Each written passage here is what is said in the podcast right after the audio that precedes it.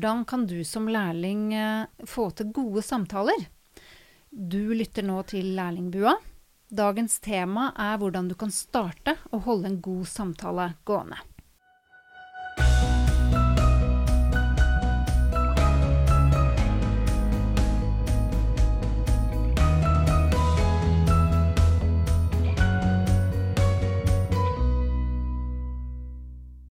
Velkommen til denne episoden av Lærlingbua. Vi som sitter i studio i dag er Lise Ødemark og Heidi Gabrielsen. Vi jobber begge ved Opplæringskontoret for helse- og oppvekstfag, og lager denne podkasten for deg som er BUA-lærling i Oslo kommune.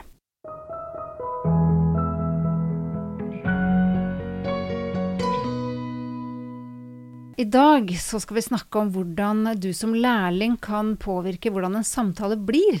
For en samtale, Lise, det er jo ikke noe som bare er der. Det er jo noe du kan, eh, som lærling kan styre, da. Og legge til rette for å få til. Og mange er jo veldig usikre hvordan man skal snakke både med foreldre og kolleger og barn og ungdom, sant. Så hvordan starter man en samtale som kan bli god? Det viktigste er jo faktisk å starte. F.eks. For foresatte, da, så er det noen lærlinger som syns det er vanskelig å snakke med, snakke med, foresatte. Og hvis man syns noe er vanskelig, jeg, så stikker jeg av. Det gjør jeg noen ganger i hvert fall.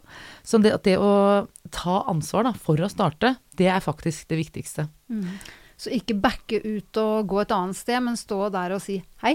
Ja, og si hei, eh, smil, se på den personen du skal snakke med. Sånn at eh, ta ansvar for å starte samtalen, det tror jeg er det viktigste, selv om du gruer deg.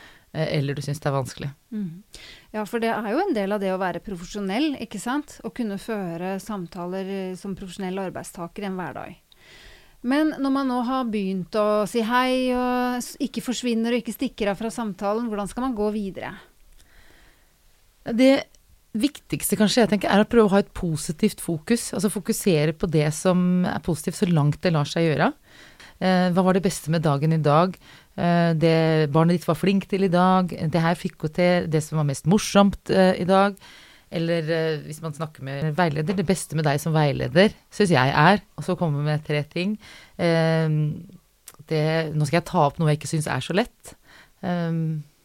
Det er også en start. Hvis mm. det er noe man har grua seg til, så begynn med å si at man syns det ikke var så lett. Mm.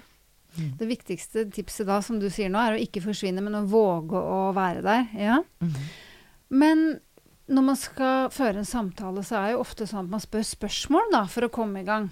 Og hvordan kan man stille spørsmål som er gode, som får i gang en samtale holder den gående? Åpne spørsmål er kanskje eh, et viktig, og hva er nå det? Um, hvis jeg spør deg, da. Uh, trives du med å jobbe i opplæringskontoret, Heidi? Ja.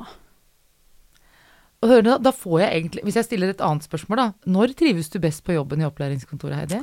Oi, eh, det er jo når jeg syns jeg får til ting, og når jeg får gjort kreative ting, samtidig som jeg kanskje hjelper eh, lærestedene der ute, eller snakker med lærlinger som har vært fortvila, og det løser seg.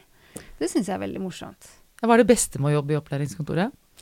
Eh, det beste med å jobbe i opplæringskontoret er akkurat det samme, egentlig. Mm. Samtidig som jeg har jobba som lærer før, og at det er litt friere, og at jeg får andre arbeidsoppgaver. Nå fikk jeg ganske mye flere svar på de to siste spørsmålene mine enn jeg gjorde på det første. Mm. Og det var et lukka spørsmål. For da spurte jeg Da kan du svare ja, nei eller vet ikke. Ja, Så du hadde ikke så mange muligheter, egentlig. nei, du hadde ikke så mange muligheter. Ja, nei, vet ikke. Og da, hvis du stiller eh, altså åpne spørsmål eh, med sånne spørreord som er gode, da hvem, hva, hvor, når, Um, så, så, når trives du best? Uh, hvem er det hyggeligst å jobbe sammen med? Altså, uh, hva er det som gjør at denne jobben er så bra?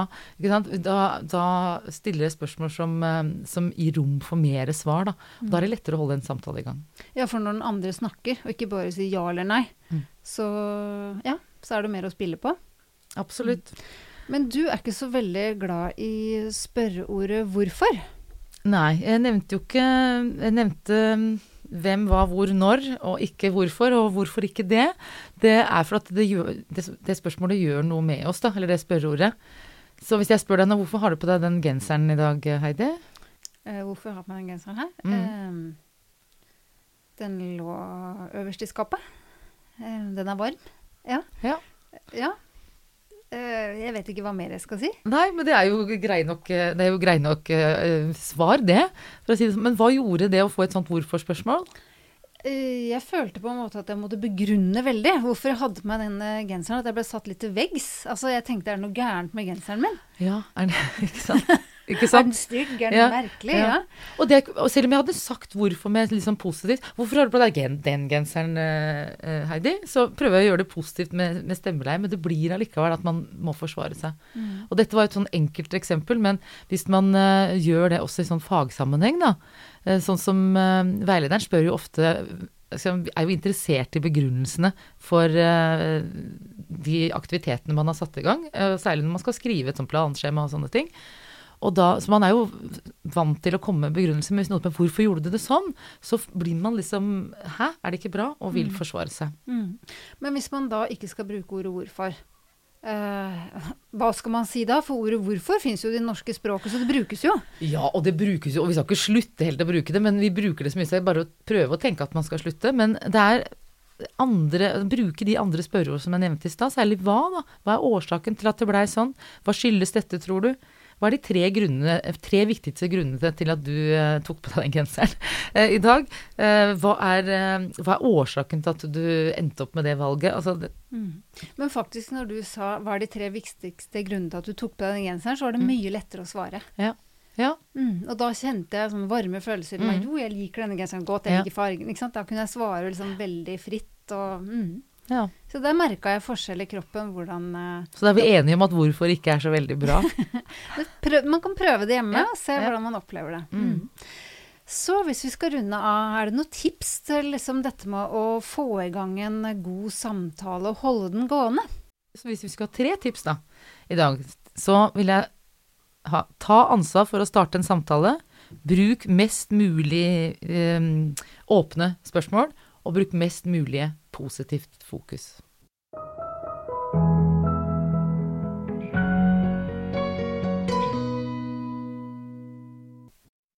Du har nå lyttet til Lærlingbua. I studio i dag har du hørt Lise Ødemark og Heidi Gabrielsen. Du finner støttemateriell til denne episoden i OLK, og har du spørsmål eller ideer til nye episoder, så er det bare å ta kontakt. Husk, vi lager denne podkasten for deg.